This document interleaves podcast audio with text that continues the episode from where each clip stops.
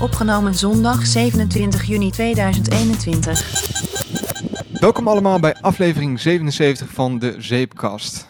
Een podcast waar we het hebben over science, technology en popculture. Tegenover mij zit David. Wacht, wacht, wacht, wacht. Wat zei je nou?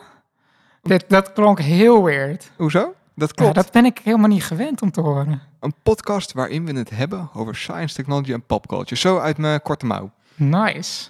Ja. Van waar die change?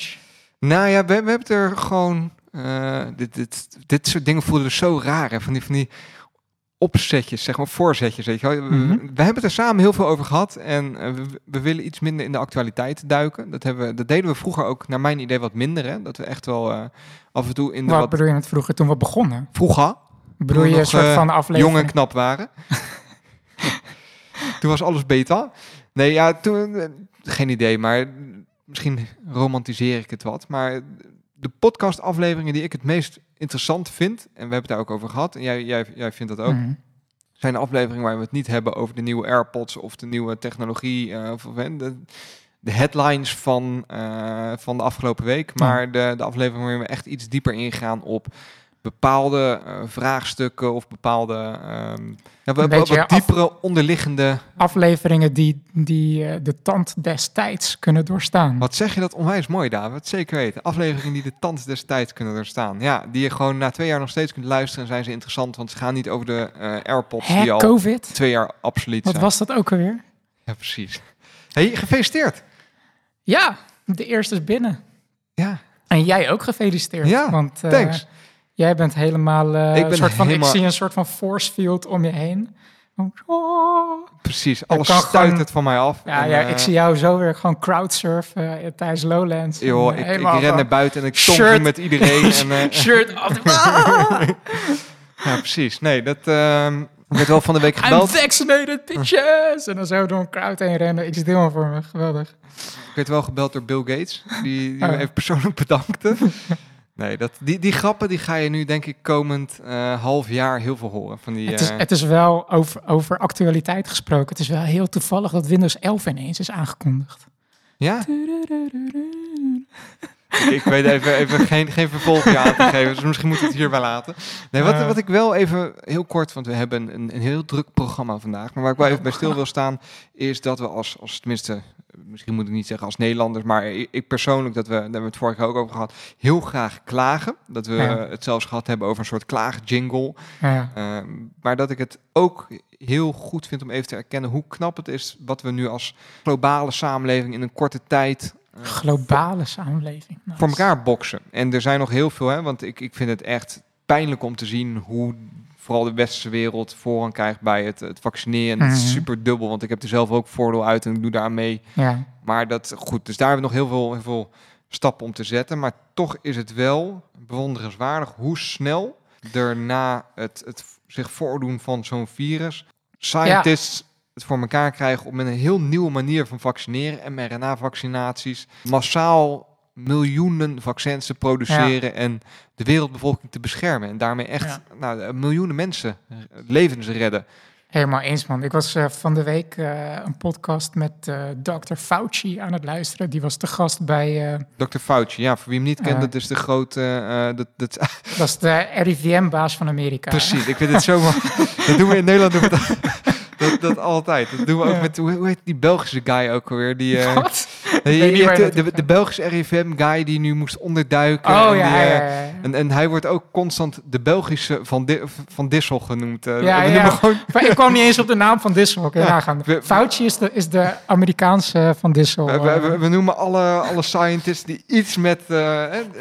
die noemen we gewoon de, de, de Belgische of de Zweedse of de Franse van Dissel. Nou, Ik vind het dan überhaupt mooi dat dat gewoon zo te correleren is. Van elk land heeft zo één persoon die gaat daarover, Ja, weet je, over infectieziektes. Ja. Dus eh, die zouden dan samen allemaal even bij elkaar moeten komen van... Goeiedag, ik ben de Van Dissel van eh België. Goeiedag, ik ben de Van Dissel van Zweden. Weet je. Oh ja, precies. Ja, mooi is dat. Ja. Anyway, het is een podcast met eh Fauci. Hij was de gast bij... ehm, het is een bekende journalist. Haar podcast heet Sway. Dat is van, Nee, ook haar- onderdeel van New York Times. Eh, en daar zei hij ook van ja, in, in januari eh, wordt het virus bekend dat het er is. En in december hebben we een vaccin. Dat is gewoon echt een wereldwonder, maar nog beter een... eh Carol, ja, een- Carol een Swisher. Ca- Carol Swisher, thanks. Ja. Dat is gewoon een triomf van de wetenschap. Weet je wel? Ja, dat we dat precies. zo en daar gaan we wel eens aan voorbij. En ik vind dat ja. er ook heel weinig aandacht voor is. Hoe ontzettend bijzonder het is wat er gebeurt. Ja. En dat normaal gesproken vaccins echt, echt heel lang duren tot, om te ontwikkelen. En wat dit ook betekent voor de toekomst. Hè? Mhm. Dat we zo snel capaciteit kunnen opbouwen. Dat we ook zoveel ervaring opdoen in het om- omgaan met, eh, met dusdanige eh, bedreigingen. Dat dit een, een bepaalde infrastructuur creëert. Bepaalde denkwijzen, eh, structuren die we gewoon in de toekomst kunnen gaan hergebruiken. Mocht Ja. zich vaker voordoen. En dat, dat is best wel bijzonder. En ook echt wel een, een, een- ik zou het, het zou me niks verbazen als eh, Times Person of the Year volgend jaar eh, alle, alle scientists van de wereld wordt of zo. zo. Alle scientists van Ja, de wereld. Ja. Nou, er is dus een Ja. jaar, en ik wil dat misschien een keer op mijn cv gaan zetten. Er is een jaar waarin Times Person of the Year was you. Oh ja, dat klopt, ja. ja. Ik wel, 95 of zo. Dus ik, ik zat erover te denken om dat gewoon op mijn cv te zetten. Oh mijn god. 1995, Times Person of the Year. Gewoon Oh, dat als, is wel eh, echt een grappige joke Ja, eigenlijk. ja. Dus, eh, Ja, en ook, eh, om even flauw te doen, wat ook een triomf is voor de wetenschap, is dat ze gewoon een, een microchip kunnen maken die zo klein is, dat die door een naald past. En Geen- ook en, en door je huid heen energie kan opwekken vanuit de zon, zodat die blijft werken. Ja. En dan een, eh, een GPS-verbinding kan maken. Dat is echt sick. Ja, ik smeer nu ook heel veel zonnebrand op de plek waar ik ingeënt ben. Hè. Dan Ja? hoop ik die chip een beetje in bedwang te kunnen houden.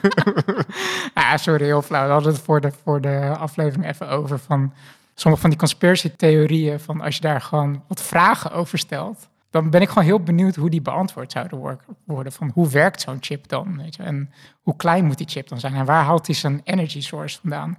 En wat is het verschil dan tussen één en één inenting en twee? ja. Moet bij eh, Pfizer moet, moet die chip dan in twee Dat is packets een soort, geleverd soort worden? ISS, zeg maar. Dat Ja, gewoon ja, zichzelf ja. moet assembleren En dan onder je huid. Een soort van module A, die zoekt dan module B op in je bloedbaan en dan koppelen die aan elkaar. En, ik vind het heel bijzonder allemaal, zeg maar. Dus eh, dat wou ik gewoon even kwijt. Dus wat ik ook wel mooi vind, is dat we de podcast openen met dat we het minder over actualiteiten gaan hebben. En wat is het eerste wat we doen? Dat doen we, Ja, ja, dat is... Misschien ja. moeten we dit knippen. Nee, er nee, maar in zitten. zeker maar in zitten. Nee.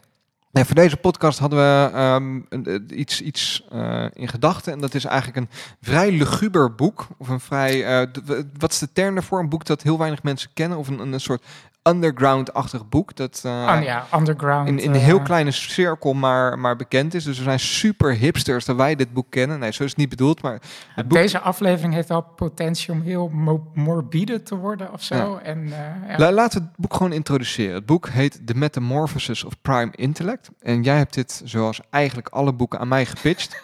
ja. Van, San, dit moet je echt gaan lezen. Dus eh, ik ben dat gaan doen. Hoe kwam jij bij dit boek? Ehm, ik was een podcast aan het kijken op YouTube. Is al eh, best lang geleden hoor. Met, eh, eh, het is een podcast van Lex Friedman. En Lex Friedman lijkt heel erg... Ja, je kan bijna zeggen, Joe het is gewoon, Rogan het is gewoon een kopie van, van Joe Rogan. En nou, ik steek niet onder stoelen of banken dat ik niet zo'n fan ben van Joe Rogan. Maar op een of andere manier had ik een periode dat ik sowieso de gasten van, van Lex Friedman heel interessant vond. En Maar dat, dat is ook Maar- waar we het vorige week over hadden, toch? Van eh, Socrates op sneakers. Dat het juist heel belangrijk is om geïnteresseerd te zijn en niet iemand Klopt, al... Ja, ja. dus goed dat je dat gewoon kijkt dan. Ja, ik weet niet of het zo'n compliment is, want, want eh, bij Joe Rogan komen ook gasten langs waar, waar ik echt gewoon helemaal niks mee heb. En dat is ook een van de dingen waarom ik... Ik vind Joe Rogan te random in zijn gasten. Dus het, Ja. En dat, is eigenlijk, dat staat dan weer juist haaks op wat eh, Socrates zou doen. Maar wat ik dus dan niet zo goed vind, denk ik... En dit is eigenlijk helemaal Ik- niet waar we het over willen hebben... heb is maar ineens... Joe Rogan gewoon niet de juiste kritische vraag ik, stelt. ik moet even iets kwijt. Ik, ehm, jij zegt wat Socrates zou doen. En dan moet, Ja. op de een manier moet ik denken ineens aan eh, dat- dat je al What die gelovigen hebben. what Die hebben die do, bandjes hè, met what would Jesus do. Dat Ja. een soort van scientific tegenbeweging of een Ja. eh, filosofische tegenbeweging zou kunnen zijn van What would Socrates do? what would Socrates doen? Ask, be stupid and ask questions. Ja, That's what precies. he would do. Ik vind dat dat gewoon een move moet, moet zijn die wij gaan starten. Van what would. Socrates doen? We gaan shirts maken, we gaan... Dat is eh, wel vet interessant. Van, oké, we gaan weer helemaal linksaf, maar dat vind ik helemaal leuk. Van, wat nou als, als Socrates... eh, maar is het op- Socrates of Socrates? het is Socrates. Sorry, ik Maar- eh, hou op met opmerken. Ja. We gaan gewoon even ergens over hebben. Maar wat nou als, als Socrates in 2021 eh, eh, bij de koopgoot in Rotterdam zou rondlopen. En die zou de, om een vraag stellen van waar geloof je, wat geloof jij en wat geloof jij? En dan komt Ja. hij een, een eh, vaccination conspiracy guy tegen. Zegt van ja, ik geloof dat, eh, eh, dat, er, dat het virus uit een lab komt. En dat is gewoon een excuus dat er chips geïmplant, geïmplant worden, zodat we allemaal in de gaten zouden worden, gehouden zouden worden. Welke vragen want wat Socrates niet zou doen, die zou zeggen van... oké, je bent echt gewoon gek en fuck you. Maar hij zou vragen gaan stellen. Dus Ja. dan zou het interessant zijn om te bedenken... welke vragen zou Socrates aan zo iemand stellen? Wat Dat- moet Socrates doen? Ja, en ik denk dat hij dus het eerste... Nou, niet het eerste, maar één van de vragen die hij zou stellen is van... hoe werkt dat dan? Hoe werkt die chip? En wat voor informatie willen ze hebben? En hoe... Ja, gewoon vooral de ins en outs. Kom, kom met feiten van... Hoe zou dat werken? Nou, wat, zijn, wat zijn feiten überhaupt? Dat is het een beetje. hè. Dat in een wereld waar alternative facts een ding is, je het niet meer eens kunt zijn over, over feiten, is het heel moeilijk om op dat Nou ja. vlak te. Ik vind dan alternative facts ook altijd een... eh, ik vind het altijd wel leuk om dan eh, tot het extreme te trekken. Van, stel, er zou een asteroïde eh, naar de op onze planeet... eh, zeg maar, Afkoersen. afkoersen, inderdaad. Ik zocht dat woord, thanks. En de mensheid heeft dat al van tevoren gezien. Dus die Ja. heeft een gigantische spaceship gebouwd, een ark. En eh, dan heb je Dan mensen... zetten ze twee paar van alle. Nee, oh god. Nee, nee, nee. Maar anyway, maar waar ik naartoe wil gaan is... Oké, stel je hebt die scenario. Dus er wordt gezegd op alle nieuwskanalen van... er komt een asteroïde op, op eh, ons af. Maar Ja. we hebben een spaceship. Precies. eh, we hebben meerdere spaceships en er is genoeg plek voor iedereen. Dus Behalve- kom aan boord. op Fox News. Behalve op... Nee, maar dat is precies mijn punt. Oké, ik wou dit niet, niet zeggen, maar stel Fox News zegt van... nee, het is een conspiracy en eh, ja, dat, dat, je moet echt niet in die spaceship stappen en zo. Alternative fact. Maar er is een realiteit, een objectieve realiteit. Dus ja, je kan het verhaal afmaken van mensen gaan stappen die spaceship in... en die zeggen, oké, doei, Eh, nice knowing you, thanks for all the fish. Ja, Eh, inside joke. En de mensen die achterblijven, ja, die hebben dan met... Die leven op die alternative fact, maar die hebben met de echte fact te maken. Ja. Alternative facts will bite you in the ass eventually. Dat is wel een beetje eigenlijk waar dit hele speel om ging. You can only deny the truth for so long. Ja. Dat is eigenlijk wat je, wat je zegt. Ja, Ja. Dus een hele long-winded way om te zeggen hoe we bij een, eh een boekreview komen. Oh ja, dat waren we. Ja. Dus podcast met Lex Friedman, die eh, eh, vooral ook ja, gewoon interessante gasten heeft. En die had dus George Hotz te gast. GeoHots. GeoHots, inderdaad, dat is zijn hackernaam. Want hij is onder andere bekend vanuit eh, een beetje die hackerwereld. Ja. En hij was de eerste die de PlayStation 3 had gehackt, Ja. uit mijn hoofd. Ja, volgens mij ook. Eh, dus dan eh, kon je illegale games installeren op je PS3. Ja, homebrew software, Ja. dus je eigen software erop. maar goed, dat is een, een discussie aan zich. Hoe, Ja. In hoeverre is het hacken op het moment dat het jouw apparaat is? Oh god, no, let's not go there. Nee, precies. Maar ehm, ja, George Hotz, mega intelligente dude. Hij- hij Super, was trouwens super ook, eh, getalenteerde programmeur. Hij was ook degene die de eerste iPhone-crack heeft gedaan, in 2007. Klopt, ja, ja, ja, dus daar is het bekend van. iPhone en, eh, en, eh, En de PlayStation 3, PlayStation 3. Ja, inderdaad. Ehm, en ja, George Hotz is echt een, überhaupt al een fascinerende gast. Hij heeft ook een soort van rivaliteit met, met Elon Musk op Tesla-gebied. Mhm. Dus hij heeft inmiddels al een aantal jaar zijn, een bedrijfje, dat heet Coma AI. ja. En eh, wat hij doet met dat eh, eh, bedrijf is hij verkoopt een soort ja, een, een smart cruise control voor je auto.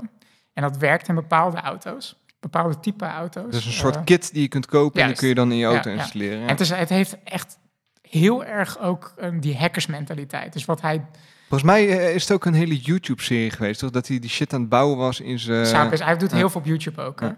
Maar dus eh, wat je ziet is dan heeft hij eh, gewoon in Silicon Valley heeft hij een, pa- een pand huurt hij dan en dan koopt hij allemaal uit China van die Huawei goedkope telefoontjes in, want het gaat hem puur om de chip en de camera. Ja. Dan heeft hij allemaal 3D-printers lopen om daar een case omheen te bouwen, zodat je hem aan je voorruit kan monteren. En dan loopt er een kabeltje naar, naar eh, de boordcomputer van je auto. Dus daarom werkt het alleen met bepaalde auto's. En hij heeft een lijst op zijn, op zijn website en die lijst groeit. Zodat hij dus met de smartphone, met de camera's, filmt hij waar je rijdt. En dan bestuurt hij jouw auto, zeg maar. Dus het, Ja. is, het is eigenlijk wat Tesla ook probeert te doen. Alleen dan met een veel meer hacker eh, Hacker met men- mentaliteit men- achter. mentality. En dan heeft hij een soort Ja. van rivaliteit met, met, met Elon Musk, omdat hij eh, George Holtz, eh, het is wel echt een mannetje, zeg maar. Hij heeft een tijdje gewerkt ook bij Tesla en hij is er ja. weer vertrokken met Ja. Bonje na geloof ik één of twee Ja. maanden. En Ja. ja. Want hij zegt ook van dat hij een hele andere kijk heeft op dat hele self-driving eh, dan Elon. Musk. Ten Ah, eerste, hij is wel een arrogant prick ook. Hij is absoluut. echt wel... Het is echt een lul. Het is echt een lul. maar wel een hele grappige, grappige intelligente lul, zeg maar. Ja, ja, ja. Dus eh, maar goed, daar kan, je, kan ik ook heel lang over praten. Want hij heeft het dus vooral over dat hij... eh, zijn filosofie is end-to-end self-driving. Mhm. Uh, dus wat hij doet is, uh, hij bouwt gewoon een soort machine learning model. Dus hij verzamelt allemaal data van, alle mensen die zo'n camera hebben hangen, zo'n Coma AI. Uh, Maar is het dan ook zo als je, als je inderdaad zo'n kit koopt dat je data naar GeoHot gestuurd ja, wordt? zeker. Oké, ja. ja. Dus hij heeft in, op zijn kantoor heeft hij ook een dashboard staan met hoeveel mensen op dit moment aan het rijden zijn en hoeveel kilometers er al gereden zijn. Ja. En, uh, um, dus ja, de, Maar dat doet Tesla op zich ook, toch? Tuurlijk, ja, zeker. Maar Tesla Dat die zal de 400.000 keer zoveel data hebben. Klopt. Maar de, de methode wat ze uiteindelijk toepassen is tot op zekere hoogte anders. Dat uh, wat George Hotz doet, is hij gooit al die data in een soort black box machine learning model. Mhm. Uh, ja, heel gechargeerd gezegd van dan kunnen ze meten of het model beter wordt of slechter. En dan kunnen ze waarschijnlijk aan wat knopjes draaien. Maar uiteindelijk snappen zij zelf ook niet 100% wat er in het model wer- gebeurt. Ja. Bij uh, Tesla zijn ze ook heel erg bezig met uh, mensen inhuren om vierkantjes te Eigenlijk het- het- tekenen over Google beelden van- Capture idee. eh, Ja. van, van als jij een, website wil bezoeken, dan moet je klik de vier Ja. cijfers aan. En, en gewoon het leren van een computer hoe images eruit zien. Dat wat je zegt, toch? Ja, ja. Dus uiteindelijk, om het hele ingewikkelde verhaal te versimpelen, wat Tesla probeert, is zij pro- Tesla probeert echt te- op, met computer vision te begrijpen wat een fietser is, wat een Ja. tegenligger is, wat een boom is, wat een, eh een matrixbord is. Bij Coma AI van George Hotz gooien ze dat allemaal overboord. Ze proberen niet te herkennen wat er allemaal in beeld gebeurt, maar ze proberen te begrijpen die datastroom stroom die binnenkomt via de camera, wat, wat de, wat auto daarmee moet doen. Want dan ga je dus wel eh, in, het, in het systeem van GeoHot zou het kunnen gebeuren dat als mensen in Polen eh, massaal altijd stoptekens negeren, Ja, want dat is daar zo rustig op de weg Ja. dat dat gewoon kan, dat dat zijn weg vindt in het eh, correct. algoritme, dat het algoritme stapt aan mensen in dat deel van de wereld over het algemeen. En op die manier ga je dus ook bepaalde overtredingen of onwenselijk gedrag ga je ook erven in je. Be- be- een beetje het, het soort van het racisme-probleem wat Google Search af en Ja, toe ook precies. heeft. Ja. ja, ja. ja. ja. Dus, eh, nee, maar het is gewoon sowieso mega interesting. En, eh, zou, dus, zou je, want jij, jij bent data scientist en dat. ik ben eh, geen data scientist, maar ik weet veel van data science. je, je weet iets van. ah, Oké, ja, hè? ik, heb, ik heb een certificaat die zegt dat ik data scientist ben. nou, dan ben je dat toch? Oké, helemaal goed. Zou je, hè, want in, in een ideale wereld zou je op een gegeven moment gewoon willen zeggen: Oké, we zijn als samenleving worden geconfronteerd met eh, het issue dat we graag willen dat auto's zelfrijdend zijn, omdat dat veel veiliger is dan hoe we nu rijden. Mhm. Dus het is wenselijk in de, de, de, de voortgang van de mens dat we dat zo goed mogelijk doen. Ja. Dus we gaan alle data die is opgehaald uit alle auto's met camera's, gaan we publiekelijk beschikbaar stellen. Tesla gooit al zijn data online. Hoe zou het dan kunnen dat GeoHots, zijn organisatie, daar ook uit gaat leren? Of worden er zulke andere metrics gemeten? Of heb je geen ja, idee? ge- lastig. Ik, zo diep zit ik ook niet in. Het enige wat Hm. ik weet is dat wat ze bij Coma AI ook doen, is los van de camerabeelden die ze binnenkrijgen, ze meten ook de input van de, van de bestuurder zelf. Mhm. Dus ehm, wanneer je je Coma AI cruise control, zou ik maar even zeggen, aanzet, Mhm. dan moet je alsnog ook alert zijn en je hand op het stuur houden. En je moet dan soms ook corrigeren. Dus bijvoorbeeld, eh, nou, hij, hij wijkt te veel naar links uit, je corrigeert, Ja. je gaat toch even bijremmen. Dat soort dingen. Al die datapunten, die gaan ook dat model in. Ja. En dat, dat, daar doen ze ook wat mee, zeg maar. En ik weet niet of Tesla dat doet. Nee, precies. Ja, ik zit gewoon te denken. In de, me- in de meest ideale wereld zou je eigenlijk gewoon willen zeggen: dit is een probleem en willen dat zo snel mogelijk oplossen. Wat is de snelste manier om dat op te lossen? Ja. Is zoveel mogelijk data verzamelen. En natuurlijk zijn er verschillende aanpakken in wat, de oplosrichting. Maar het is nu gek dat ze apart van elkaar al die data aan het verzamelen zijn. Klopt, maar Met de ze, ze- ze hebben dataset echt zich een, dus. ja, maar ze hebben wel echt een andere filosofie ook, wat ze met die data doen en, eh, en hoe Ja. ze dat willen gebruiken. Ja. Maar goed, dat is even in het kort De achtergrond van GeoHots. van Geo, eh, eh, George. Eh, en, dus ja, ik vond het gewoon een fascinerende guy.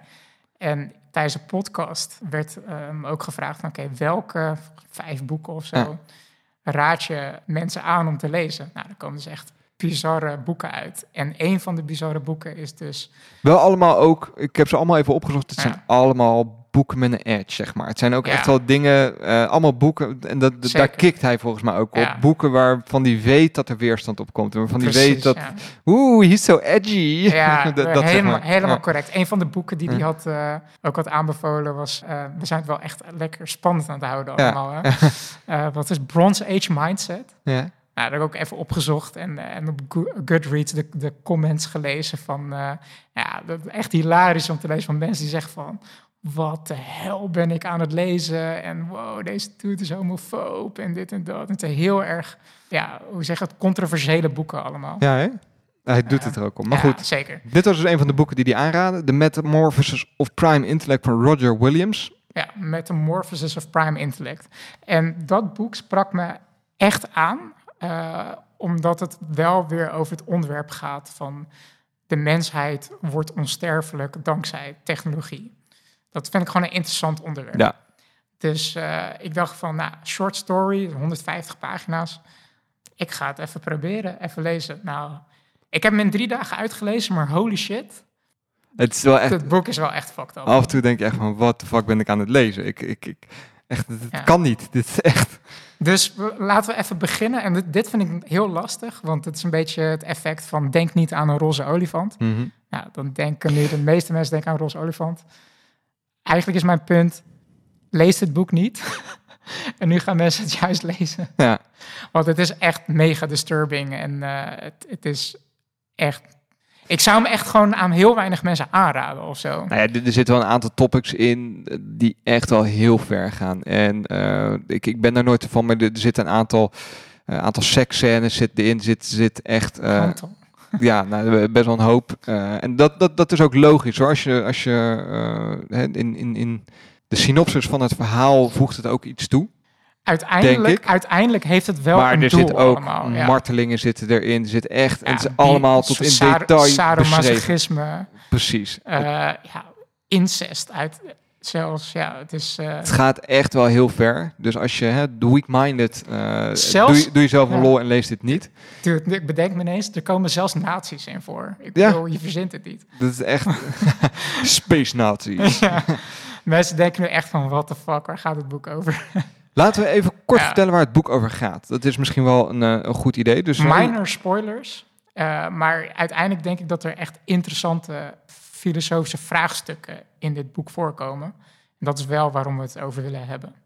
Ja, want het boek, hè, The Metamorphosis of Prime Intellect, het gaat eigenlijk over een singularity event. Nou, wat is een singularity event? Dat is het moment waarop een, eh, een, een artificial intelligence dusdanig slim wordt dat exponentieel eh, eh, slimmer wordt en eigenlijk alle problemen eh, kan gaan oplossen. Leg, leg dat zo goed uit? Het Ja, het, het is een artificial intelligence die. Het, het is een beetje aan het begin een cliché-verhaal van een programmeur die een, een robot bouwt, kunstmatige intelligentie. En die robot is heel. Een soort staat letterlijk in de kinderschoenen, kan niet zoveel en die moet dingen geleerd worden. En op een gegeven moment komt een punt dat het eh, eh, exponentieel omhoog Ja. gaat. En En, en als de- mensheid denken we altijd aan de groeicurve van een mens. Hè? Dus we denken Ja. altijd van, nou, er- zit iets tussen. Ja. Je, je wordt wijs, je wordt nog wat wijs, je wordt nog wat, en daar zit een bepaald verloop in. En een Ja. bepaalde tijdsduur gaat er daar overheen. Dus als we zo'n AI gaan trainen, dan zal het echt nog wel een paar jaar duren voordat... Maar dat hoeft natuurlijk niet. Er kan op een gegeven moment een omslagpunt zijn als zo'n AI een bepaald, eh, wat, welk concept dat dan is, dan weet, dat Mhm. weet ik niet, maar een bepaald concept snapt dat als een domino-effect werkt, waardoor Juist. ineens allemaal eh, stenen vallen. En zo'n AI overnight binnen, binnen een paar minuten ineens godstatus heeft bereikt. gewoon alles weet. Die heeft de Live Universe 42 helemaal uitgevonden.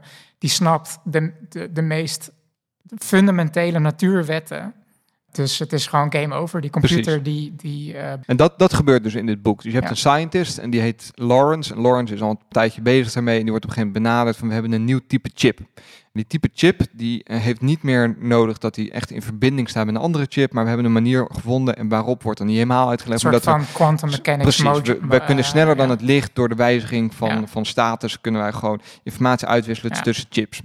Een beetje Ehm, pseudoscience, maar precies, hè, voor het boek. Precies. en ja. die chip, nou goed, we hebben er van alles mee geprobeerd, maar het blijkt dat die chip niet over grote afstanden werkt. Dus we hebben er niet zo heel veel aan, maar we denken dat jij er wel heel veel aan hebt. Wil je met ons meekijken naar, eh, als we jouw eh, jouw jouw research nou eens in die machine zetten. En dan beloven we dat het van jou blijft, nou, bladibla.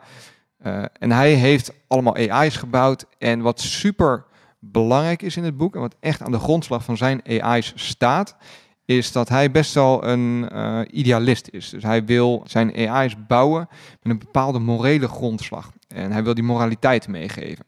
En als grondslag daarvoor gebruikt hij de drie wetten van Isaac, of Isaac Asimov. Yes. En die zijn, nou, dat zijn best wel klassieke wetten. Ik denk ergens uit de jaren 80 zoiets. iRobot is een van de, eh, daar kun je het misschien uit kennen. Dat is een van zijn klassiekers die ook verfilmd is met... eh, Eh, ja, ik weet niet. Will Smith? Ja, Will Smith. ja. Eh, en de drie wetten, de three laws of robotics, eh, stellen eigenlijk één, een robot zal nooit een mens vermoorden. Ik heb ze hier voor me. Ja, het komt lees uit, even, Het precies. komt uit 1942. Oké, En the first law is a robot may not injure a human being or through inaction allow a human being to come to harm.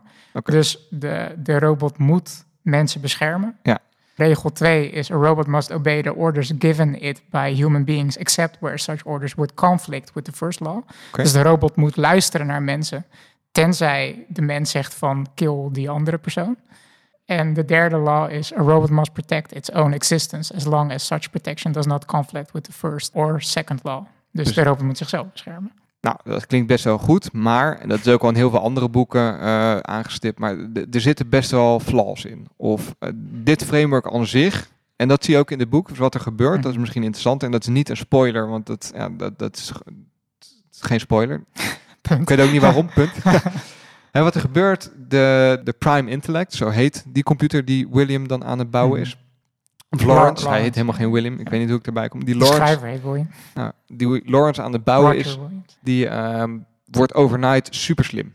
En dat komt omdat hij op een gegeven moment een methode vindt, of hij vindt een fout in onze, eh, in onze eh, physics laws, Nou Onze- ja, een- een- ja, hij vindt een fundamentelere rule eigenlijk. een fout dan toch, nou maakt ook Ja, niet uit. ja. Hij vindt iets waardoor, wat hem in staat stelt om materie over oneindige afstand direct te verplaatsen. Ja, eigenlijk heeft hij eh ESMC kwadraat soort van Buitenspel eh, gezet. buitenspe- ja, een soort van tot het meest fundamentele level. Hij kan materie creëren, waar dan ook in het universum, en materie omzetten naar energie. Hij kan de fabric van realiteit herschrijven. Dus het is, hij is Precies. gewoon een omnipotent god geworden. En wat volgt is eigenlijk een, een, een boek met hoofdstukken die zich om en om in het verleden afspelen met hoe is, eh, hè, hoe is, is dit nou zo gekomen en hoofdstukken die zich afspelen in het heden. Hm. En om een beetje te schetsen hoe dat heden er dan uitziet, dat zijn eigenlijk die drie wetten van robotics die we net beschreven hebben, maar dan aan steroids. En de eerste wet is best wel problematisch. Ja, dus de nu speelt zich af in 600 jaar in de toekomst. Precies. Dus eh, eh, die eh, prime intellect is al 600 jaar de god over de mens.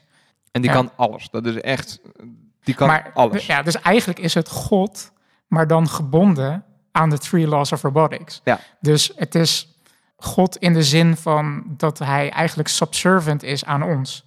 Dus wij kunnen Eigenlijk aan, zijn wij God. nou, we kunnen aan prime intellect. prime intellect moet naar ons luisteren. regel 2. Ik wil nu mijn eigen villa. Het is een hele, eigenlijk in zo'n wereld een minieme vraag. Maar ik wil een villa en ik wil 10 Ferraris. Nou, eh, prime intellect alsjeblieft. Daar, daar komt het Dat, eigenlijk dat is op nog neer. een heel erg basis. Hè? Dat zijn eigenlijk Ja. de eerste vragen die mensen een beetje aan die prime Ja. intellect gaan stellen. Maar je ziet in 600 jaar wordt dat steeds extremer en steeds Ja. extremer. Juist. Dit, dit is precies het hele punt van, van het boek, inderdaad. Ja. En wat, wat, wat heel problematisch is, is dat in die 600 jaar... Nou, laat me heel even, want het is niet helemaal waar, maar eigenlijk niemand meer dood is gegaan. Er zijn een paar mensen die hebben daar loopholes in gevonden, maar dat kan nu niet meer. Nee. Omdat de first law of robotics is, als je het kan voorkomen als, eh, als, als AI zijnde, Ja. dan zul je ten koste van alles voorkomen dat een mens doodgaat. Ten, ten koste van alles moet Prime Intellect ervoor zorgen dat de mens blijft leven. En Prime Intellect heeft helemaal uitgevogeld hoe de mens in elkaar zit. En hij ziet de mens niet als een lichaam, maar als een bewustzijn. Als Ja. een stel hersenen. Niet eens als de hersenen zelf, maar wat zich daarin eh, voltrekt. Ja. En hij kan ook lichamen regenereren. Hij kan lichamen maken. Hij kan eh, hele omgevingen maken. Hij, kan, mensen onsterfelijk... Hij, hij heeft de mens onsterfelijk gemaakt. Want de mens mag niet sterven. Precies. En dat is heel problematisch. Want Ja. je ziet dat eigenlijk iedereen is bored out of their fucking mind. Ja. En dit is, nu komen we eigenlijk op het punt wa- waarom ik dit boek ook uiteindelijk aan jou heb eh, aanbevolen. Ehm, want uiteindelijk is dit, gaat dit boek dus vooral over ehm, wat betekent het om onsterfelijk te zijn en hoe gaat de mens om met zijn lusten eigenlijk. Vooral op het moment dat er geen barrières meer zijn om die lust ehm, te, te vervullen. Eh, of te bevredigen, moet Ja. ik eigenlijk zeggen. Dus het gaat niet eens zozeer om die artificial intelligence, maar het gaat meer om wat doet de mens in de situatie dat Alles kan en alles, mag. alles kan en mag. Je gaat nooit meer dood. Eh, wat, wat doet dat met de mens en wat doet dat met de betekenis van het leven, zeg maar? Dan, Ja. dan wordt het meteen heel diep. En eh, waarom ik dus ook aan jou moest denken, omdat we dat gesprek wel vaker hebben gevoerd. Een van jouw favoriete af, of misschien de enige favoriete aflevering van jou van Black Mirror, Ja. is ehm, San Junipero. En ook eh, minor spoilers als je San Junipero nooit hebt gezien, maar dat gaat over dat daar Een di- is digitaal afterlife eigenlijk. precies ja, dus waarin je altijd blijft leven de, in de, datacenters. men- de mens sterft, maar je leeft dan voort in een digitale hemel op een server. Inderdaad, daar komt het gewoon op neer. Dus dat is een vorm van onsterfelijkheid. En ehm, nou, we hebben het ook al vaker over van, eh, de, de- Sander, dat jij wel eens zegt van, eh, nou, ik zou het geen probleem vinden om 400 jaar te worden of zo. En in, Ah, geen probleem. Ik, zou, ik, ik, ik heb best wel een ja. zware vorm van fear of missing out. En dat heb ik nu. Hè. En Ja, Even, even eh, ter illustratie, ik ben 32. Dus ik weet ook niet hoe dat is als ik straks 70 ben. Mm. Maar voor nu zou ik zeggen, ik vind het hele idee van doodgaan vind ik eh, gek. Hè, als, je, als je dan, en dat is een hele discussie aan zich, maar als je met mensen daarover in discussie gaat, Mhm. het hele idee van eh, je, je moet doodgaan om het leven waarde te geven, dat is in mijn hoofd, is dat Mhm. Is Ja. dat juist iets dat we altijd, hè, ik bedoel, 400 jaar geleden werd de mens eh, gemiddeld 30. En Ja, we zijn dat aan het oprekken. Hoe Ja. ver moeten we dat nou oprekken? Of moeten we op een gegeven moment gaan zorgen? En daar daar ben ik heel erg aanhanger van. Hè? Dat, we, Mhm. dat ik echt denk dat de dood moet een keuze zijn. Als je op een Mhm. gegeven moment... eh, en, en interesting. als je op een gegeven moment 400 bent, je hebt, je, ik heb het alles gezien, ik heb alles gedaan, ik ben er wel klaar mee, dan Ja. stop ik met leven. Het probleem dat daarin zit, en dat is ook een probleem dat hierin terugkomt, is dat er geen noodzaak meer is om dingen te gaan doen. Nu. Nee. Nou, dat, dat, daar gaan we het sowieso over hebben. Maar ook wat je net zegt over...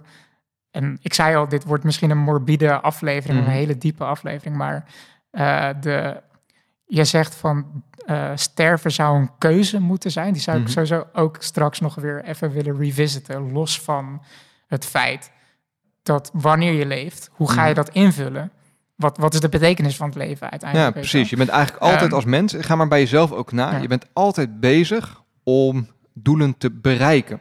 Ja. En het bereiken stukje is heel belangrijk, want je bent ergens Mhm. naartoe aan het werken. En dat naartoe It's werken, not- dat dient een doel. It's not a goal, but it's about the journey. Precies, Ja. en dat klinkt heel plat, En maar dat friends is we made zo. along the way. ja, toch? Ja, nee, maar dat, en dat Ja. is wel echt zo. Als Ja. jij morgen alles zou kunnen hebben wat je zou willen, ja, wat ga je dan overmorgen doen? Ja, exactly. Dus dat zijn eigenlijk echt de twee gelijk hele lastige, moeilijke onderwerpen. En Maar wat, dat- wat dus- ik dus- overigens ja, niet, ja. Wat, wat ik jammer vind in het boek, is dat het wel, en dan zie je ook dat het, het, het stipt ergens heel belangrijke vragen aan, maar ergens vind ik het ook wel af en toe wat makkelijk geschreven of zo, of niet makkelijk, maar ook wel Nou, misschien zullen dat, we dan dat, weer dat, even... dat, de lusten van de mensen echt platgeslagen worden tot eh, Ja. seks, moorden, eh, Ja. tot eh, de, de Precies, meest laat- basisbehoeften. En dat, Laten we weer even de grootste vragen des levens even parkeren en weer teruggaan naar het boek. Want ik zei in het begin al, ik zou hem niet zo snel aan mensen aanraden. En dat heeft een... Heeft, dat moet ik Misschien moeten we een wereldschets doen van hoe de wereld er nu uitziet. Ja, In, in de, het boek. Nou, voor, ik wil toch e- daarvoor eerst even toelichten eh, dat dit boek is eigenlijk gewoon een soort van shock horror. Het is erg extreem. En eh, dus je moet, ja, de dingen die wij er nu uithalen, daar, Mhm. daar- ja, dat moet je er ook wel echt een beetje in. eh, je moet dat door alle gore heen, zeg maar, lezen, zeg maar. Dus dat, dat ten eerste. Eh, ik- daarnaast, eh, Roger Williams is een programmeur en geen schrijver. En daar hadden we het voor de podcast ook over. Ik denk dat iedereen heeft minimaal één boek in zich, die hij in zijn leven kan schrijven. Heel veel mensen hebben maximaal één boek in zich. En dan heb ik het nog niet eens over of dat boek dan goed is of niet. En ik denk dat Roger Williams, eh, hij, hij is van origine een programmeur. En je leest, het is geen ervaren schrijver. Dus het is ook niet eh, hoogstaande literatuur. Dus hij leunt heel erg op de, op de shock value die hij in het boek gooit. En er is al een sequel, of hij is bezig met een sequel. Ik denk niet dat ik die hoef te lezen. Voor mij heeft hij zijn punt gemaakt in het boek. Tenzij hij een, ineens een heel ander filosofisch eh, vraagstuk gaat behandelen in een shock horror. Eh, Misschien dat je kunt zeggen dat het boek aan zich heel, eh, heel kut is om te lezen. Dat echt niet, maar dat de vragen die je jezelf kunt stellen na het lezen van het boek wel waarde hebben. Ja, daar ben ik het volledig mee eens. Ja. Want het boek aan zich is niet plezierig om te lezen. Ja, ik, ik, was, ik was zeer uncomfortable tijdens het lezen. Ja, even, even misschien dat le- Ja, Ik zal één, één, één scène beschrijven. Ja. Je een beetje een idee hebt. Eh, ik denk dat we deze aflevering wel even een, eh, misschien een, even een. R- R-rating mee Ja. moeten geven. Misschien even die, die world, worldbuilding van. Def, met die Def Precies. games Hè? Dus zo. je, je En, hebt eh, het, het hoofd, of een van de hoofdkarakters die we volgen is Caroline. Caroline, ja. En Caroline die is een van de allereerste mensen, die is eh, een van de alleroudste mensen ten tijde van de verandering. De change noemen ze dat. Ja. Dus zij was al 108 toen dit gebeurde, is vervolgens weer jong gemaakt. eh, Mhm. En is eigenlijk, was ze al op 108 hartstikke klaar met dit leven. Ja. En dat is ze was, alleen maar ze was klaar geworden. om te sterven. Precies, ze heeft alles gezien, alles meegemaakt en ze was er klaar mee. En ze is echt op, op, nou, op het randje gered. En er staat er ook op die manier in. Dus zij heeft voor zichzelf een, hè, want we leven in een wereld waarin iedereen zijn eigen wereld kan bouwen. We zijn, de, de aarde is verlaten en we leven in cyberspace en iedereen kan zijn hele eigen wereld. Eh, ruimte, dat bestaat niet meer, want dat kun je zelf genereren. Eh, zij leeft in een groot wit canvas, zonder vloer, zonder muren, zonder iets om te zien demonstratief, hè? Omdat, ze, omdat het ja, precies, omdat ja. zij vindt dat eh, niks meer waarde heeft. Ja. Omdat alles zo gegenereerd kan worden. En eh, de enige joy die zij nog uit het leven haalt is, eh, is het ervaren van echte emoties. En volgens haar is de meest echte emotie, dat is eh, lijden, dat is pijn en dat is Mhm. seks. Dat zijn Mhm. eigenlijk de drie dingen waar ze naar op zoek is. Mhm. En het liefst ook in die volgorde. Ja, Dus wat doet zij? Zij gaat, ze vraagt de Prime Intellect om de meest terrible people ja, te bezoeken, meest- zeg maar. Ja, want dat is sowieso ook al want interessant. mensen Ja. worden niet meer vastgezet, want je kan toch niet meer moorden. Je kan geen overtredingen meer begaan, dus het heeft helemaal geen zin. Nou, sterker nog, op het moment van de change, Mhm. de prime intellect heeft, niet, heeft geen keuzes gemaakt van... oké, jij verdient het om onsterfelijk te worden en jij niet. Rule one. Ook, ook de kinderlokkers, verkrachters en de moordenaars en zo... die zijn ook allemaal onsterfelijk geworden. Dus die leven ook in dat universum. En die worden ook niet meer vastgezet, want het heeft Nee. helemaal geen zin. Want je kunt niet... eh, Nee, en je kan elkaar ook in principe geen pijn doen. Want Nee. dat is ook, de prime intellect is ook eh, verplicht om als iemand te- vermoord dreigt te worden, dan moet prime intellect ingrijpen. ja, maar, Maar, alleen... nu, maar nu, daar- komt, nu komt de, de loophole die Caroline vindt. Caroline vindt op een gegeven moment de loophole. Die zegt, breng mij nou eens naar de allerergste... of een van de ergste personen die hier in cyberspace leven. En ze wordt Ja. naar Fred gebracht. En Fred, ja, dat is inderdaad een kindermoordenaar... die eigenlijk ook super sip is, want hij kan niet meer moorden. En dat Ja. was, hij is echt... Nou, daar leefde hij voor, eh, voor de kick. en- Hij zat in death row, maar vlak voordat hij eh, geëxecuteerd zou worden... is hij Ja. eh, is hij gedigitaliseerd. Ja. En hij leeft nu... Het is een redneck en die leeft een beetje ergens... ja, in zijn eigen eilandje. En hij is super sip, want hij kan niet meer killen. En hij heeft die joy nodig. Ja. Nou, dat overlapt met Caroline's niet naar echte emoties. Dus zij vraagt de Prime Intellect om een contract op te stellen. Waarbij zij zegt, Prime Intellect, en dat is regel 2. Ik wil dat jij eh, het niet meer naar mijn wensen luistert. Mhm. Tot op het punt dat ik dreig dood, Dood te gaan. Of ja. dat ik dood ga eigenlijk. Ja, en dat stopt ze erin om eigenlijk prime intellect soort van te tricken. Want prime intellect moet ingrijpen als iemand sterft. Precies. Dus eigenlijk, eh, Want dat, is ook, dat komt ook in het verhaal voor. Dat er zijn mensen die proberen zelfmoord te plegen. omdat ze niet meer willen leven in die wereld leven. Maar dat mag niet van Prime Intellect. Dus Caroline zegt hierin: van ja, ik, ik kies er zelf voor om te lijden. En Ja. rule two, je moet, naar mijn, je moet naar mijn wensen luisteren. Maar om dan niet rule one in acht te houden. Ja.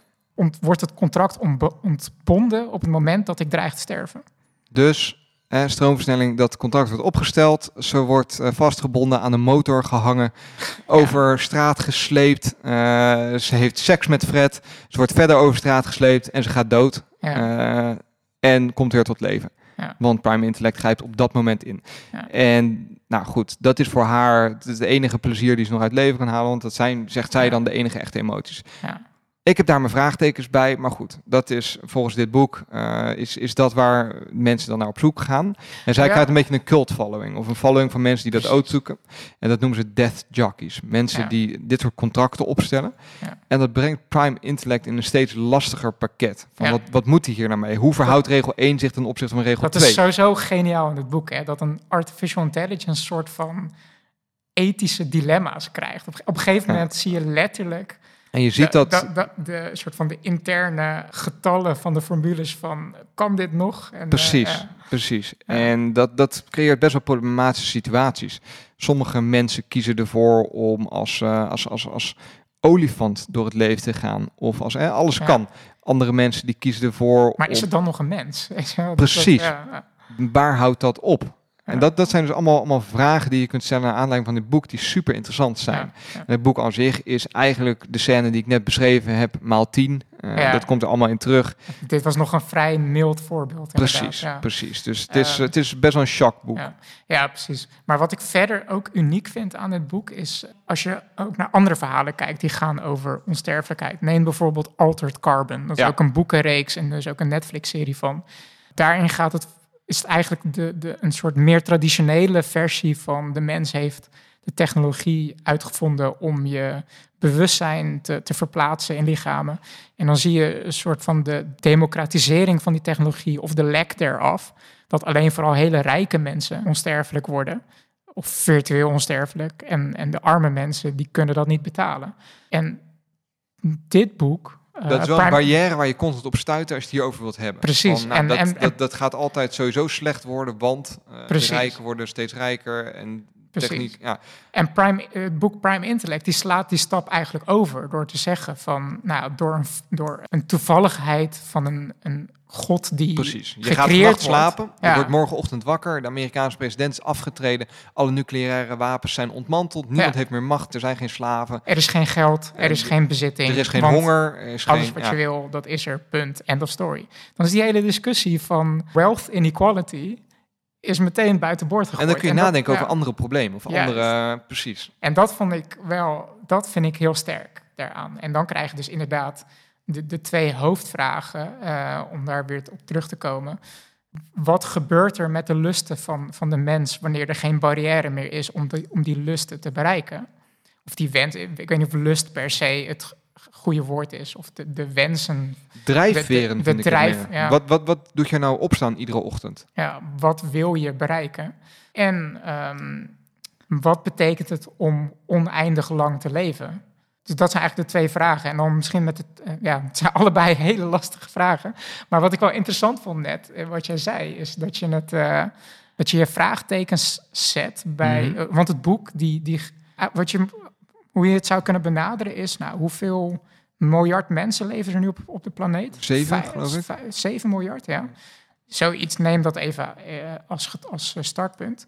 Dus dan heb je straks 7 miljard mensen die eh, onsterfelijk zijn. En ook in het boek wordt heel kort benoemd dat er eigenlijk vrij weinig mensen meer zijn die de keuze nemen om een kind te nemen. Ja, Eh, er wordt verder niet heel erg op ingegaan, maar goed. Dus je hebt 7 miljard ehm, mensen.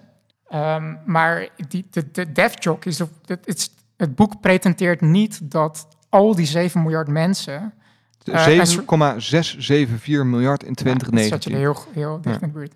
Maar het boek pretendeert niet te zeggen dat al die 7 miljard mensen uiteindelijk allemaal na 600 jaar een soort van psychopaat worden en allemaal een soort van eh sadomasochistische death wish hebben.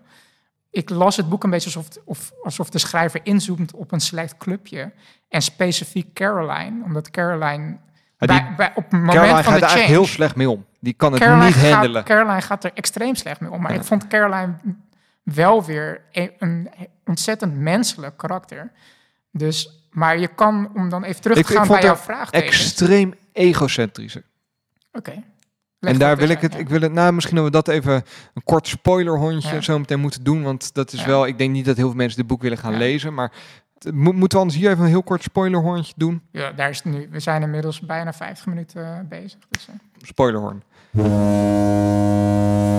Ik, nou, wat jij terecht zegt, is, dat zijn een aantal, er zijn een aantal punten waar ik heel veel moeite mee heb met dit mhm, boek. mhm. Dat is één, ik vind Caroline een fucking arrogante Ja, Oké, oké. Want je volgt inderdaad haar verhaal. En Ja. we leven in een wereld waarin heel veel goede dingen zijn. Waarin alle oorlog is opgelost, al het lijden is gestopt. En er wordt eigenlijk helemaal niet stilgestaan in dit boek bij de goede dingen die dit gebracht Mhm. kan hebben. Maar er wordt heel erg ingezoomd op het lijden van Caroline, omdat zij zelf hier niet mee kan omgaan. Eh, en zij gaat eigenlijk vanaf het moment dat zij als 16-jarige wakker wordt, Ja. Heeft ze geen moment dat ze van, gaat, van kan genieten. Zij is, hè, zij is in het ziekenhuis gekomen, zij heeft daar, was klaar om dood te gaan en vervolgens wordt ze wakker en ze is niet dood. En ze heeft niemand meer en ze gaat eigenlijk gelijk, gaat ze bed. Er is geen moment waarop ze Mm. van alles gaat aanvragen, van alles gaat doen. Zij is gewoon gelijk anti. Ja, zij... Er is geen moment waarop ze het probeert.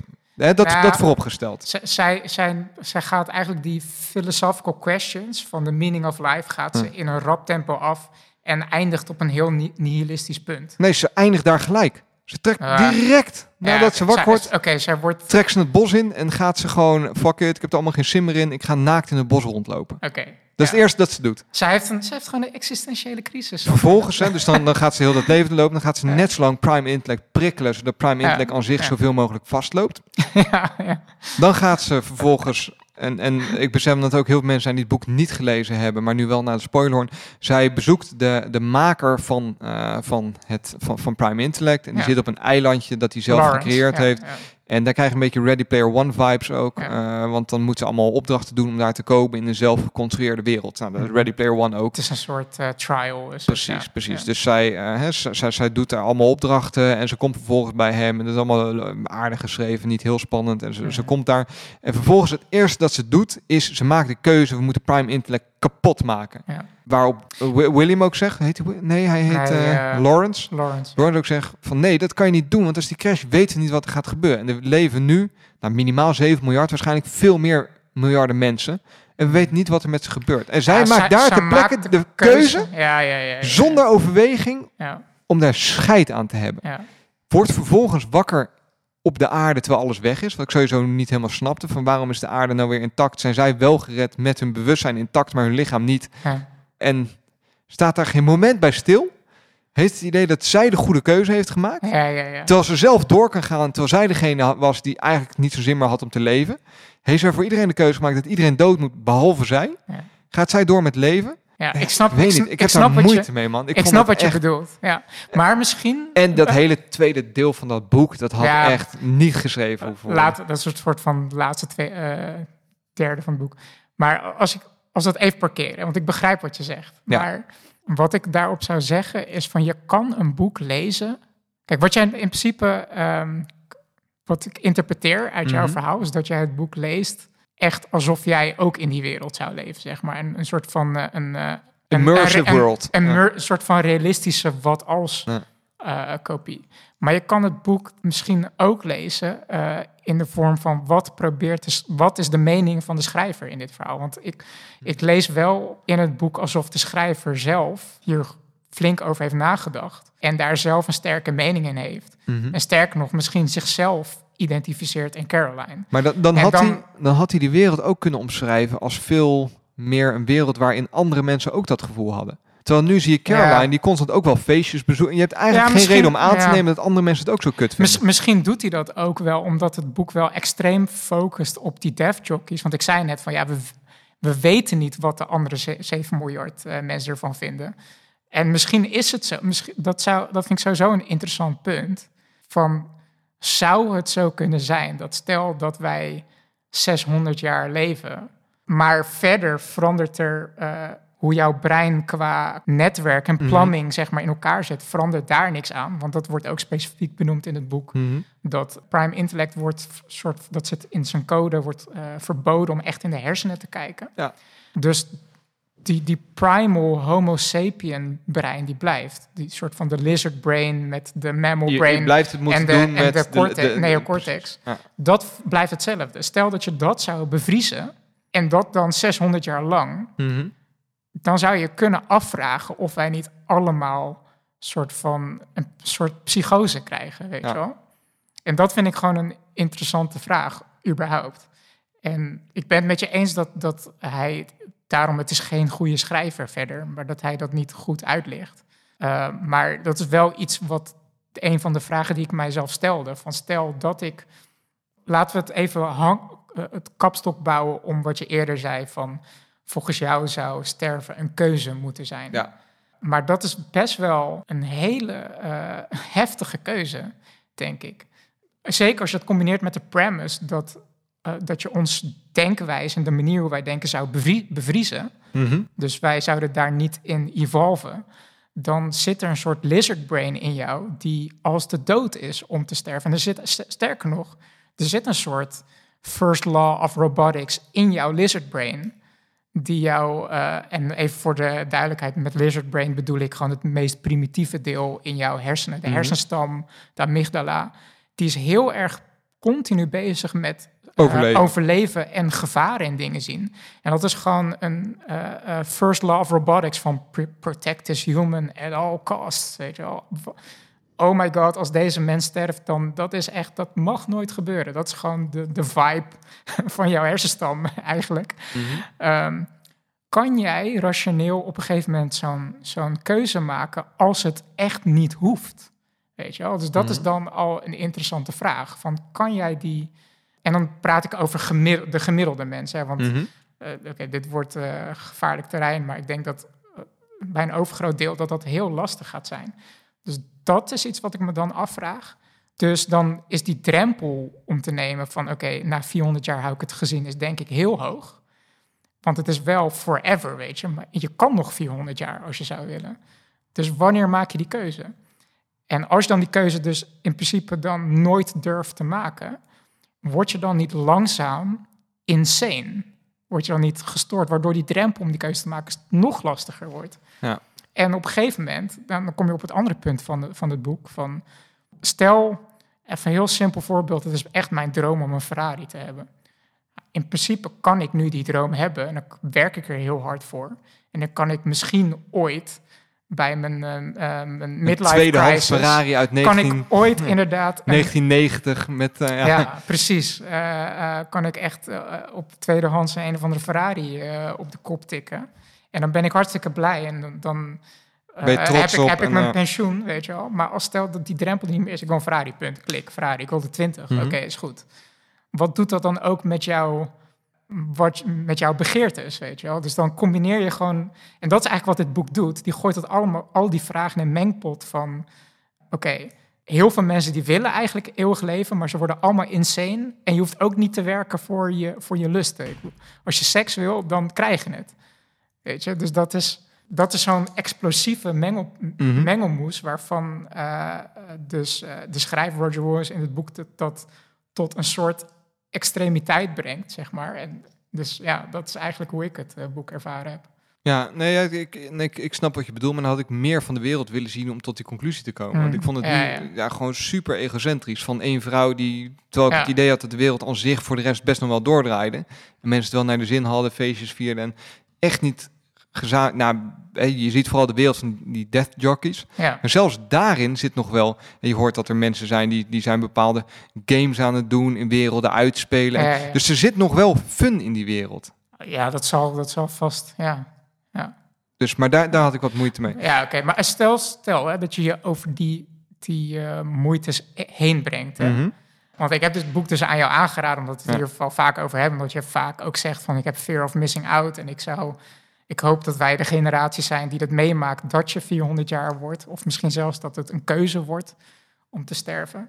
Heeft, heeft dit boek of dit gesprek, brengt dat jou op gedachtes? Of Je hoeft ge- geen antwoorden of ik ben gewoon even, ik stel de vraag gewoon. Misschien is het heel Nou, lastig. ja, wat, nee, helemaal niet. Wat, wat, wat het inzicht dat het mij wel brengt, is dat er, je- je moet, en dat, dat is super cheesy, maar dat je inderdaad, om iets te bereiken, moet je iets, moet je een pad afleggen. Mhm. En als dat pad er niet is, als je morgen kan zeggen dat je alles wil hebben, dan heeft het ook geen waarde. Mhm. En ik zat er nog over na te denken. En dat, dat zag ik ook wat terug in bijvoorbeeld. Ik kreeg lang geleden, toen ik net begon in een functie waarbij ik een telefoon kreeg. Hè, dus ik Mhm. had, was altijd super trots op mijn iPhones. Ja, en die, ja, die kocht ik en die hield ik netjes en et cetera. Toen kreeg ik vervolgens van mijn werk, ik kwam in dienst en kreeg ik gelijk een iPhone. Dat ik veel minder gaf om dat apparaat dan om de apparaten waar Ja. ik zelf voor werkte. En dat was puur omdat ik, het, het werd me in de schoot geworpen. Dit, weet je, En dat is, dat is een beetje het, het probleem waar we nu mee te maken hebben. Dat, dit dat, heeft een naam, hè? dus de IKEA-effect. ja? Ja, de IKEA-effect is dat je dat mensen hebben, tenminste dat is Ik vind het wel een mooie naam. wat- ja. wat- dit is wat de IKEA-effect pretendeert te zeggen, is dat mensen meer waarde hechten aan object op het moment dat ze het zelf in elkaar hebben gezet. En dat, dat snap ik helemaal. En daarom lijkt het me ook vreselijk om een multimiljardair zoals een, een Jeff Bezos te zijn. Ja, ja, ja. Want dan Oh, kun je gewoon morgen alles hebben wat je wilt. Of nou, alles, een, een hele hoop. Eh, Dus dat, dat, en- maar dat zet het boek heel goed eh, weg, vind Hmm. ik. Dat vraagstuk. Van, eh, moet, je, moet je bepaalde weg afleggen om iets te Het is bereiken? eigenlijk gewoon, het is eigenlijk delayed gratification. Ja. Weet je wel, ja. Daarnaast, Over het ik- lang leven of de onsterfelijkheid. ja, weinig dus. Omdat ik het, het, het was voor mij zo'n unrelatable wereld. Omdat Hmm. En de, de keuze om, om op een gegeven moment te zeggen, ik stap eruit, die was er niet. En daarmee maak je het heel oneindig. En, en als iemand op een gegeven moment, en dat is ook onvermijdelijk, hè, als je op een gegeven moment in een staat van psychisch lijden komt, Ja. dan is ook dat oneindig. Want er is geen, er is geen doodgaan. Dus op, als Ja. er op een gegeven moment iets gebeurt waardoor je het echt niet meer zit zitten, Ja. dan is de tijd daarna altijd langer dan de tijd daarvoor. En oneindig. Ja, ja, ja, ja, ja, En inderdaad. Dat is wel extreem kut aan een wereld waarin je niet dood kan gaan. Ja. Dus eh, ik, ik zou nu wel zeggen dat als ik... Ik wil graag 400 worden, maar ik wil wel dat er altijd een way out is. Ik wil altijd een opt-out systeem hebben, waarbij ik kan zeggen, ik ben er nu klaar mee. En dat, dat zet dit boek goed weg. Dat onsterfelijkheid aan zich wel voorwaarden moet hebben. En Mhm. een van die voorwaarden is dat je dood moet kunnen, als je wilt. En dat het, het doodgaan ook een bepaalde eindstreep met zich meebrengt... die maakt dat je dingen moet gaan doen. En dat je niet kunt zeggen, ik ga zes jaar in mijn huis zitten. Dus dat, dat zijn wel dingen die ik, die ik hieruit meeneem. Ehm, ja, ik vond op zich het hele Singularity-event... Ik vind Singularity-events altijd interessant. Ja, en ik vond ja. het hier best wel tof in weggezet. Ja, Dat het echt letterlijk omschreven wordt van... hè, die, die AI die wordt aangezet en binnen een dag is gewoon Het is ook gaaf dat hij dan alles beschrijft hoe, die AI die, die ontdekt dan bepaalde natuurwetten die wij nog niet kennen. En dat hij dan een beetje gaat oefenen. Hij gaat eigenlijk letterlijk oefenen op Caroline. Ja. Dus eh, dat hij, want dat is ook een soort van minor spoiler, want Caroline ligt Maar we eigenlijk zitten aan de spoiler, dus je Ja, zeggen wat je wilt. Ja. Caroline ligt eigenlijk letterlijk te sterven in een ziekenhuis. En dat ziekenhuis zit echt naast dat gebouw eh, waar die AI eh, gebouwd wordt. Dus die, het eerste wat hij ziet is zo'n liggen, is zo'n mens. En die gaat dan die mole- eh, maar dat, dat ziet er anders uit dan bij de andere mensen. En dan gaat hij die moleculen gaat hij, eh, rearrangen. En eh, ja, bizar. En dat doet Ja. hij dus een paar uur nadat hij wakker... Nou ja, dus dat, dat vond ik wel, eh, wel tof. Nou, wat ik al eerder zei, het tweede deel van het boek had van mij apart weg. eh, of het tweede deel, het is het laatste, Ja, het laatste deel, laatste ja. hoofdstukje, zeg maar. Dat had van, van mij apart weggelaten kunnen worden. wel, gaan we het niet eens over hebben, want dat, dat heeft geen, geen plek. Dus nee, dat zijn wel dingen die ik, die ik eruit haal. Wat ik bijzonder vind, is dat de schrijver in 1984 al is begonnen met schrijven van dit boek. Hm.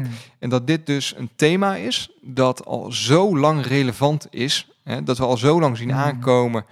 Hè, dat het zou kunnen zijn dat we op een gegeven moment op een punt komen waarop eh, machines en AI's zo intelligent worden dat ze ons extreem tot in het extreme voorbij streven. En dat we daar eigenlijk nog steeds geen echte oplossing voor hebben vanuit Het is nog steeds een van de grote vragen. Hè, of, dat, of het inderdaad de ontwikkeling... Want we snappen intelligentie ook nog steeds niet echt. Hè? Eh, We stappen bewustzijn niet. nee, precies. Nee. Dus eh, of dat nou echt een soort exponentiële lijn is... of dat het meer ja, een soort van logaritme is... wat dan meteen op een bepaald punt afvlakt of zo. We hebben geen idee. Dus Nee, maar dat, dat is dus wel iets dat nog steeds heel erg... En dat is dus in 1984 al... Hè, ging hij daar al over schrijven. En dat is wel... Nou, dat vond ik wel bijzonder. ja.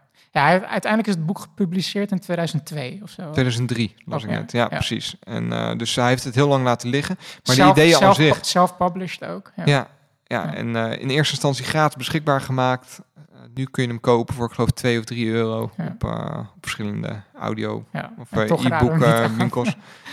nou ja, als je heel, heel benieuwd bent, hè, geef ik er 2 euro uit en, en begin erin. Ja. Maar uh, wees niet boos als het echt heel, heel erg tegenvalt, of heel, heel erg te chockerend voor je is. Ja, Dan, uh, ja. we told you so. Ja, misschien, eh, ik, dat, is- dit is heel random, maar eh, ik vind hem ergens wel passen in deze vrij heftige aflevering. Ik hoop, eh, eh, ja, ik ben eigenlijk wel benieuwd eh, wat mensen hiervan vonden, want dit is, we doen dit niet zo vaak, hè, zo'n soort van, eh, we, we, we gaan Een, een aflevering diep, ophangen maar- aan één, uh, aan, aan één boek. Of, uh, ja, wat, maar uh, ook gewoon echt een soort van de, de heftige vragen des levens. Ja, nou, la- laat weten wat je van deze aflevering vindt. Ja. hè. Daar, ben ik wel benieuwd naar. Want we doen op zich wel vaker een beetje tegen eh, filosofie aanschurken. Ja, En we zijn dat vooropgesteld filosofische nitwits. Hè. Dus we, Yep. tenminste, als ik het voor mezelf, ik kan het voor jou niet bepalen, maar ik heb aardig van je. überhaupt nooit filosofie gehad op school. Dus het komt echt puur vanuit mijn eigen logische redenatie en, en, en interesse ervoor. Dus misschien dat we eh, de plank volledig misslaan. Maar ik ben wel benieuwd of jullie als luisteraars dit tof vonden. Of je dit leuk vond. En ja, laat dat eens even weten via een van de kanalen die we hebben. Het komt altijd wel op een manier bij ons.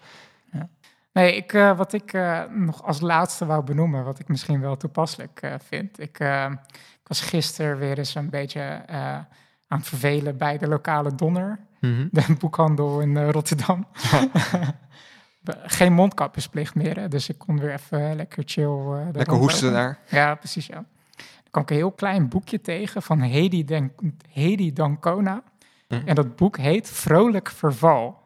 En dat gaat dus, dat zijn, daarin heeft zij eh, allemaal korte observaties en verhaaltjes verzameld over eh, wat zij ervaart als, zij is een wat ouder persoon, ik weet niet hoe oud ze is, ik denk misschien rond de 70 of zo. En ehm, dat ze eigenlijk met dit boekje een soort van eh, de, de, de stereotypering ten opzichte van ouderdom, zeg maar, een tegengeluid wil geven met allerlei obser- observaties. En dat gaat dan over van ja, dat het aan de ene kant is het natuurlijk wel handig dat eh, in het OV wordt er voor haar opgestaan en zo, maar, maar dat ze ook een soort van de mooie kanten van het leven nog wil laten zien. En dus vandaar ook de titel Het Vrolijk, vrolijk Verval, zeg maar.